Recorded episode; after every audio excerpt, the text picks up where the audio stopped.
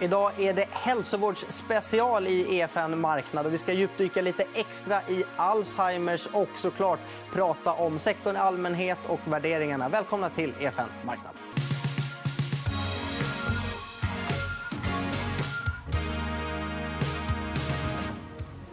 Och om detta ska vi prata tillsammans med Astrid Samuelsson. Välkommen. Tack så mycket. Och Gunilla Osvald, välkommen, vd på Bioarctic. Tack så mycket. Det kom ju eh, ett jättespännande beslut från FDA här för någon vecka sen. Eh, Biogens läkemedel blev godkänt. Vad var din första reaktion? Eh, första tanken är ju att det är någonting som är väldigt efterlängtat för patienterna. Att patienterna ska kunna få tillgång till den första sjukdomsmodifierande behandlingen. Tidigare fanns det bara symptomlindrande behandlingar. Så att det här var första steget. Det finns fortfarande ett stort behov hos patienterna. Det är en gigantisk patientpopulation och behovet är fortsatt stort. Men det här var första lilla steget. Mm. Astrid, som förvaltare, vad var din första känsla och tanke när du såg det här komma ut? Men ändå överraskning får jag väl ändå säga, för det var ju verkligen inte ett väntat beslut.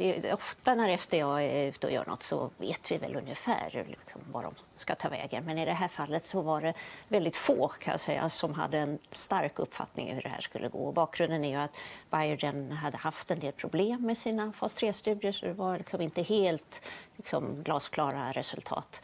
Eh, och det där har ju FDA brottats med under hela godkännandeprocessen och inte minst med en, eh, en sån här rådgivande kommitté som var emot och FDA var för. Och, och, så att säga, var de skulle landa i det där var ju absolut inte glasklart. Nej, det kom ju ganska skarp kritik från den rådgivande kommittén. Jag har till och med sett att flera hoppat av. Eh, håll, vad, hur känner man kring det? Känner man att den verkligen håller måttet deras? Eh, och hur står sig er substans i jämförelse, tror du? Ja, jag vill inte kommentera FDA, det kan någon annan göra. Men jag kan kommentera vår substans. Ja. Och, eh, vi har ju eh, Lecanemab, som den heter, eller BAN 2401 som också är samma substans, som är framtagen av Bioarctic och som vår partner Eisai driver. Och den är ju nu i sen fas 3, i en stor fas 3-studie som kallas för Clarity AD. Och där är 1795 patienter som är färdigrekryterade. Och det finns ingen interimsanalys i den studien utan den ska gå till eh, att de har behandlats i 18 månader. Och resultaten kommer i september nästa år. Och den här studien är ju då designad eh, för att bekräfta de resultat som vi såg i fas 2 som med min erfarenhet är, eh, inom läkemedelsutveckling som är väldigt lång så ser jag ju att det är data som övertygade mig för att de är så konsistenta.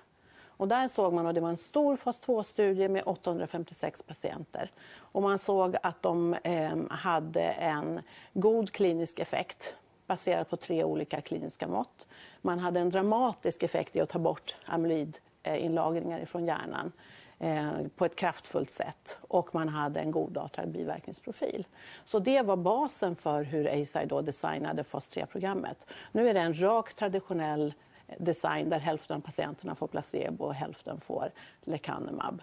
Och, eh, om man tittar på data som vi har så är det väldigt starka resultat i förhållande till andra i fältet. Och vi är den enda substans som inte behöver titrera. Och ändå har vi den lägsta biverkningsfrekvensen av den här biverkan som man har som kallas för ARIA-E, en form av hjärnödem kan... man ser hos de här patienterna. Så jag ser väldigt positivt på det här. Och kan du kort förklara för tittarna det här med att ni inte behöver titrera? Vad... Ja, ja, tack.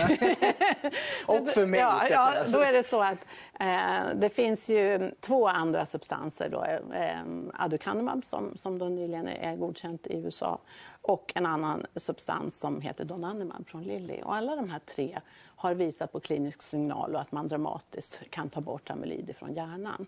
Eh, de andra, och så finns det en substans från Roche också som har visat på att man tar bort amyloid från hjärnan men ännu har de inte visat klinisk effekt. Eh, och alla de andra behöver titrera. Alltså man ger dosen långsamt i en dos och så höjer man dosen och så höjer man dosen. För de har mer av den här biverkan. Och för att minska risken för den biverkan så ger de långsamt upptrappande doser vilket gör att det tar längre tid att komma till en dos där man har en god effekt. Och I och med att lecanemab, då, BAN 2401, vi kan ge högsta dosen direkt så har vi också den snabbaste effekten som man har kunnat visa. Så vi har visat på klinisk signal redan vid sex månader. Och sen att man ser att den ökar över tid. Det är också något som är jätteviktigt för en sjukdomsmodifierande behandling som ska påverka den underliggande sjukdomen. Mm. Astrid, jag förstår att det är svårt att jämföra substanser men går det att göra några jämförelser mellan bioaktiv substans och den som godkändes här av Biogen? Ja, men det svåra är ju just att, att Biogens studier ju inte eh, just var så glasklara. Så det blir ju i sig en utmaning den dagen det kan finnas fler läkemedel på marknaden. Och då kommer ju såna här andra faktorer också spela roll. Och, eh, även hur man ger läkemedlet. Eh, jag vet att Roche de talar ju om en sån här subkutan, det vill säga att man behöver inte spruta in i ett blodkärl. Eh, att de, och jag, jag tror ni också mm. utvecklar en sån mm. variant. Mm. Så att det där talar, hör jag mer och mer om att eh, eh man gärna skulle vilja utveckla såna eh, såna varianter också. Mm. Eh, och det, har jag, det finns också mindre bolag som har tidiga projekt. Vi har faktiskt sett en uppvärdering av eh, just bolag som har tidiga, effekt, eller, tidiga projekt som, som också talar om att de har liksom, också skiljer sig åt. Så nu, nu vaknar många till kan man säga mm. efter det här beslutet. Mm, ett litet glädjeskutt kan man väl nästan säga. Ja, nej, men... Astrid, har du någon fråga till Gunilla? Eh, nej, men jag har väl egentligen undrat det här FDA-beslutet om det liksom påverkar någonting eh, för er utveckling? Ni har ju ett program som löper så jag gissar att det kommer väl inte påverkas. Men är det något råg i ryggen ändå för, ja. för er väg framåt? Nej, men man kan väl säga vad som är, är, roligt när någonting sånt här händer. Det blir ju att det blir en, ett intresse i fältet ehm, och eh, en kraft i fältet överhuvudtaget. Ehm, så vi har ju ett stort intresse både från investerare och sen är det bra för vår tidiga pipeline med, eftersom vi har sex andra Alzheimer-projekt i tidig fas. Eh, och jag menar, den här, om man tittar på patientpopulationen, den är gigantisk. Och här nu har vi första lilla steget att hjälpa patienterna. Det kommer att behövas flera olika sorters behandlingar. Och jag tror i framtiden så kommer vi att lära oss vilka patienter mår bäst på vilken sorts behandling. Och vi kommer också säkert att se olika typer av kombinationsbehandling tror jag, i framtiden. Så det är jätteviktigt att fältet får någon sån här injektion av att någonting eh, ser ut att, att finnas hopp kring. Eh, och som vi ser det, som, som tycker då att vi har, en, eh, att vi har eh, kraftfulla resultat från fas 2 och vi har en, en väldesignad studie som nu är tänkt att gå till, till det blir färdigt utan interimsanalys. Så att vi kommer ju inte att hamna i den här komplexa situationen som FDA har hamnat i via, via aducanumab eh, med två avbrutna fas 3-studier. Vi kommer att ha en stor fas 3-studie som då är designad för att replikera de resultaten vi såg i fas 2. Så att det blir ett, ett annat sätt. Och jag tror att det är jätteviktigt att man gör väldesignade studier som man då får möjlighet att att göra så att man får ett, ett eh, eh robust datasätt. Mm. Och det är det som är vår ambition. Och ASI förväntar sig resultaten i september nästa år. Och det är färdigrekryterat, 1795 patienter runt om i världen. Så att, eh, det blir spännande framöver. Mm, verkligen. Mm. Och att det var FDA som gick här lite i bräschen och godkände, ställer det om ert geografiska fokus att fokusera ännu mer och hårdare på USA eller spelar det ingen roll? Nej, alltså man, man, fokuserar alltid på USA, Europa och Asien. och det är fortsatt samma typ av fokus.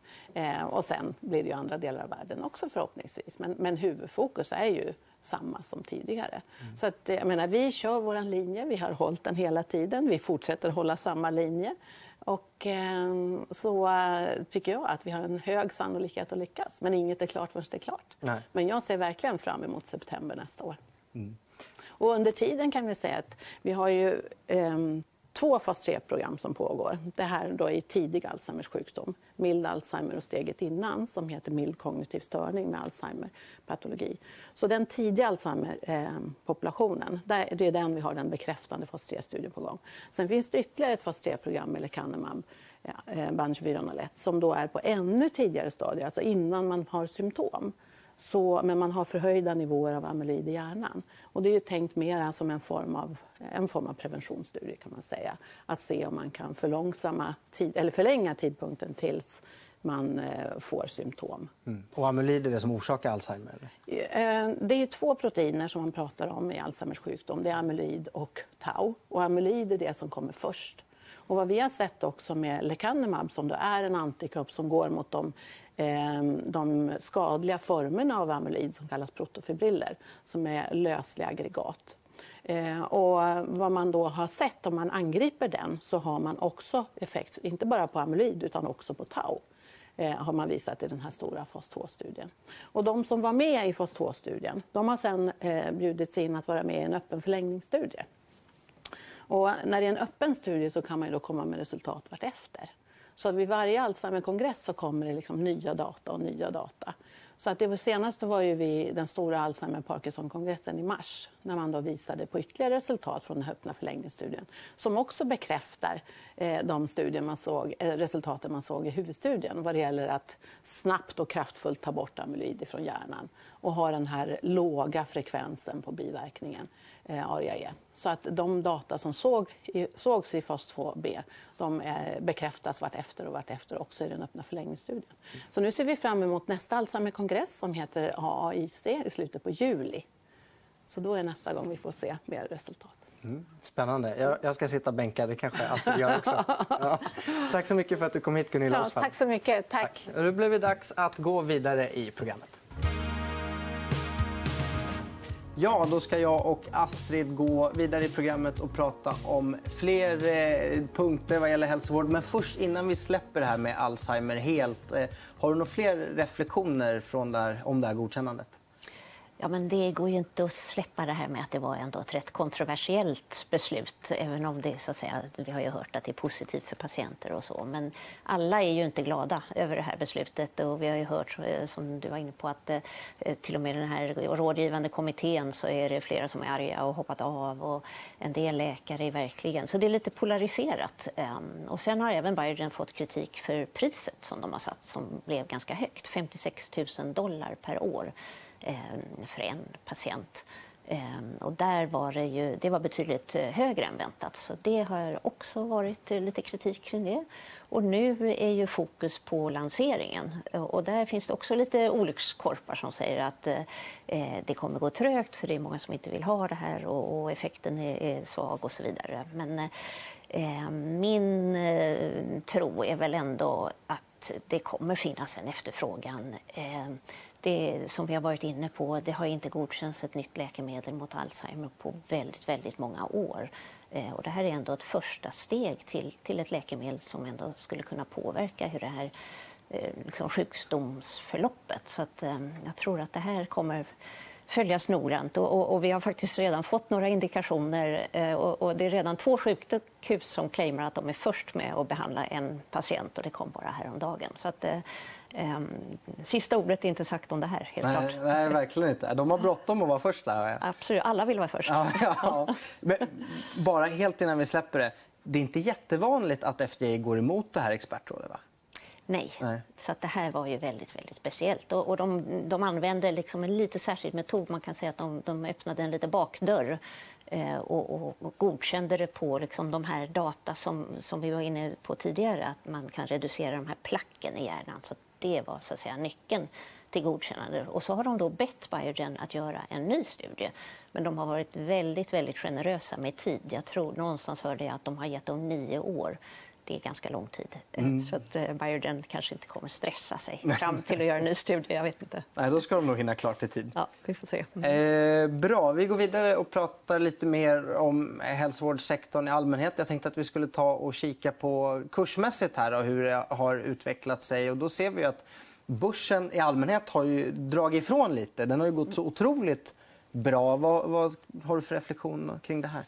Nej, men hälsovård har absolut inte följt med i år. Ehm, och det gäller ju inte minst eh, biotechsektorn. Eh, och där har vi den amerikanska Nasdaq biotechsektorn tror jag upp ungefär 4% i år. Så det är Eh, väldigt svagt jämfört med eh, övriga marknader. Och, och, och, det är väl mycket det här öppna upp eh, efter... Ju bättre det går för vaccinationerna så, så har det varit allt mer fokus på, på andra sektorer som gynnas av öppna upp. Och, och eh, det har ju inte gynnat eh, biotechsektorn och där har också räntorna spelat viss roll. Ehm, sen kan man ju också komma ihåg att det är efter ett väldigt starkt 2020 då det här indexet var upp 30 procent om jag minns rätt. Mm.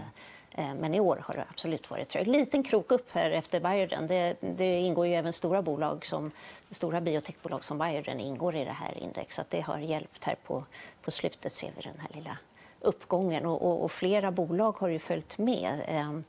Så det, det, är både, vi har ju sett Bioarctic eh, har ju stigit eh, ganska kraftigt på, på den här nyheten och, och, det finns flera också mindre biotechbolag som just sysslar med Alzheimers eh, sjukdom. Men eh, eh, annars hittills i år som sagt eh, lite svag utveckling. Så de som letar eftersläntrare kanske åtminstone ska ta en titt på den här sektorn som har halkat efter lite? Alltså det är om man har lite längre horisont i alla fall. Jag är mer osäker på i det korta perspektivet för det är ju fortfarande mycket makrofokus och öppna upp-fokus och då kanske det inte måste vara de här bolagen som rör på sig allra, allra först. Ehm, det beror på om det kommer nyheter. Det vi skulle vilja se mer av också är mer företagsaffär, uppköp i sektorn. Och det har det också varit lite, lite tunt med. Mm. Men eh, vi får se vad som kommer. Har du någon gissning varför det är avvaktande med det? Då? Eh, det kan ju också vara att, här, att, vi har sett de här kursnivåerna har, har kommit ner från peaknivåer som var där i februari, början på mars. Eh, och, och, när vi ser sådana nedgångar så blir det alltid lite svårare för köpare och säljare att komma överens. Ehm, så att här, och då kan det ta lite tid. Ehm, men eh, det är fortfarande så att stora bolag behöver fylla på i sina pipelines. Och eh, vi har mest innovation ändå i små bolag, så att det, det kommer komma. Men tajmingen är lite svårt att säga så mycket om. Mm. Eh, jag tänkte också att vi skulle ta och kika lite på det här med finansiering, eh, hur den ser ut. Eh, har du någon reflektion kring det här? Mm, nej, men, intresset för sektorn är ju stort om man bara använder de glasögonen. Och, och där var ju, trots pandemin så var ju förra året ett, verkligen ett rekordår för finansiering av biotech. Och var, liksom, oavsett vilken typ av finansiering eh, man tittar på egentligen. Och även första kvartalet var urstarkt, starkare än något av de Eh, 2020-kvartalen. Eh, sen får vi väl se med Q2. Ska jag gissa någonting eh, så kanske jag tror att det kommer komma ner lite grann. Eh, däremot så är ju bolagen, med tanke på då 2020, så är de väldigt välfinansierade. De har ovanligt liksom, lång tid som de kan ha sina kassor till. Så jag tror det ligger på ungefär medel tre år nu, vilket är längre än det brukar vara. Att man fyllde på så mycket i fjol, var det lite att man passade på när det ändå var hett och fyllde på då? Eller? Ja, det. Och, och, som sagt sektorn gick ju bra och då brukar bolag passa på att fylla på. Mm. Mm. Klokt. Ja. Eh, vi kikar lite på värderingarna också. Och den här bilden stämmer ganska väl överens med det vi har sett kursmässigt. Det vill säga att värderingen i den här sektorn inte riktigt har hängt med resten av börsen när den värderingen har stuckit. Då känns det i alla fall som att man kanske inte köper så här jättedyrt. Eh, nej, tittar man, och nu talar vi om de stora läkemedelsbolagen, ja. så har ju även de laggat. De har faktiskt gått lite bättre än det här eh, eh biotechindex eh, som vi tittade på eh, alldeles nyss. Men de har absolut inte hängt med de, de breda marknaderna och därför så ser vi nu en, en rejäl rabatt mot övriga sektorer. Och jag har ingen särskild syn på värderingen där, men man kan se på mm, läkemedelssektorn och, och nu talar vi om den amerikanska läkemedelssektorn här, mm. så ligger den Eh, den kanske inte är det billigaste vi har sett, men den är absolut inte det dyraste. Och vi ser ju det är rätt höga multiplar i övriga sektorer. Ehm, så någonstans mittemellan. Men relativ värdering, där sticker det faktiskt ut just nu. Mm. Ja, det är, det är tydligt. Eh, en annan grej som är intressant att se det är förskrivningar av recept som vi ser har kommit igång igen efter fjolåret. Att det gick så där i fjol, jag antar att det berodde på att man helt enkelt försökte undvika att gå till läkaren eller ta sig till sjukhus med tanke på pandemin. Men nu börjar folk behöva gå dit verkligen. Ja, men eh, det är mycket sjukvård som har eh, låg nere under pandemin och, och det påverkade även läkemedelsbolagen även om vi i stort tycker att de har varit relativt stabila. Eh, men, men kvartalen, så att säga, både Q2, Q3, Q4 och även Q1 i år var eh, lite knackiga får man säga som, som helhet på sektorn. Ehm, men där ser det lite ljusare ut och jag hör ju nu från bolag som jag pratar med att, att patienterna börjar komma tillbaka till, till både liksom läkarmottagningar och sjukhus men även att säljkåren är tillbaka igen och det är också en stor skillnad. De har ju inte kunnat besöka läkare och marknadsföra på Eh, på samma sätt som, som tidigare. Så det är liksom flera faktorer som gör att vi ser nu lite mer fart på läkemedelsförskrivningen. Och det har vi sett sedan ja, mars, april eh, och nu eh, maj också. Så att, eh, eh, det bådar trots allt ganska gott inför kvartalsrapporterna som vi ju får senare i sommar. Och där kan man lägga till att, att eh, jämförelsetalen för Q2 är, det är väldigt lätta komps för läkemedelsbolagen. Eh, Eh, när vi kommer in i, i Q2. Eh, och bakgrunden är att det, det, som hände förra året var att folk hamstrade läkemedel i Q1, eh, köpte mycket mindre i Q2 så att det var riktigt eh, knackiga resultat i Q2 förra året. Så eh, det är lite flera faktorer som gör att det borde kunna se riktigt bra ut på rapportfronten. Ja, men det känns som du verkligen andas optimism. Vi har inte jättehöga värderingar, vi har enkla jämförelsetal och vi har att recepten är, ja, sticker här. Så det känns verkligen som du andas optimism. Ja, nej, men just eh, så säga, ovanligt bra setup just för de stora läkemedelsbolagen. Ja, så just nu, just nu, nu, nu är det intressantare att kolla på de större än de mindre? Alltså jag är mer osäker. Om man har liksom lång horisont så går det säkert att hitta liksom eh, bra idéer bland de mindre. Men var, liksom, var de ska gå i det korta perspektivet tycker jag är svårare att säga. Mm. Eh, innan vi avrundar så har du även en Novo Nordisk-spaning eh, här. För i skymundan så kom det en ganska stor nyhet från dem. Ja, mm. det var också ett godkännande. FDA jobbade på även där. Och, de har jobbat hårt. Ja, de har jobbat hårt. Eh, det var ju mer väntat dock. Ehm, och det är ett nytt läkemedel mot fetma, övervikt och fetma. Och där Novo Nordisk har redan ett sånt läkemedel på marknaden. Och även det gick lite trögt förra året. Men det här är ett nytt, vassare, eller framförallt man går ner mer i vikt. Så att här, här är resultaten att man kan gå ner 17-18 procent i vikt av sin så att säga, ja, väger man 100 kilo så går man ner 17 kilo. Så att säga.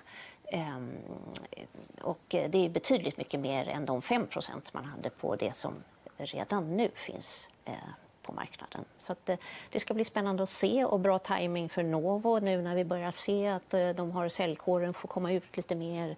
Eh, det är ju mycket bättre miljö att, att liksom komma ut med ett nytt eh, liksom, viktigt läkemedel. Det här är en viktig lansering för Novo. Mm. Ja, det hade väl varit rejäl uppförsbacke att lansera det här i fjol när säljaren inte får åka och besöka läkare och sköterskor och berätta och förklara vad det här är för någonting. Ja, nej men absolut. Det är, även om bolagen börjar bli duktigare på att använda digitala verktyg så är det fortfarande de här liksom, fötterna på marken som ändå spelar roll. Det här mm. att komma ut till doktorer och inte minst i USA så är det en viktig faktor.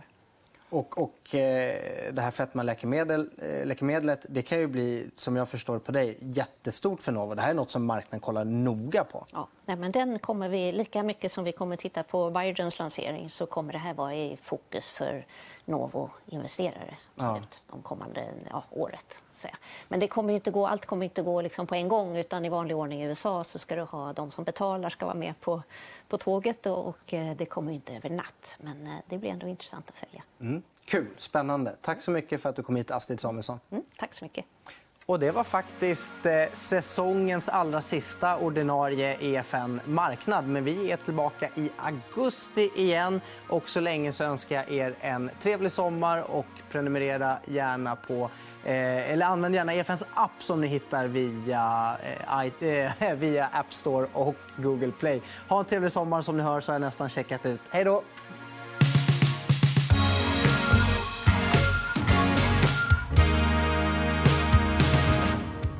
EFN Marknad är en podcast från EFN Ekonomikanalen. Ansvarig utgivare är Anna Fagerström. EFN finns även som app. Där hittar du alla våra videoinslag som hjälper dig att göra det bästa av din ekonomi. Du hittar appen i App Store och Google Play.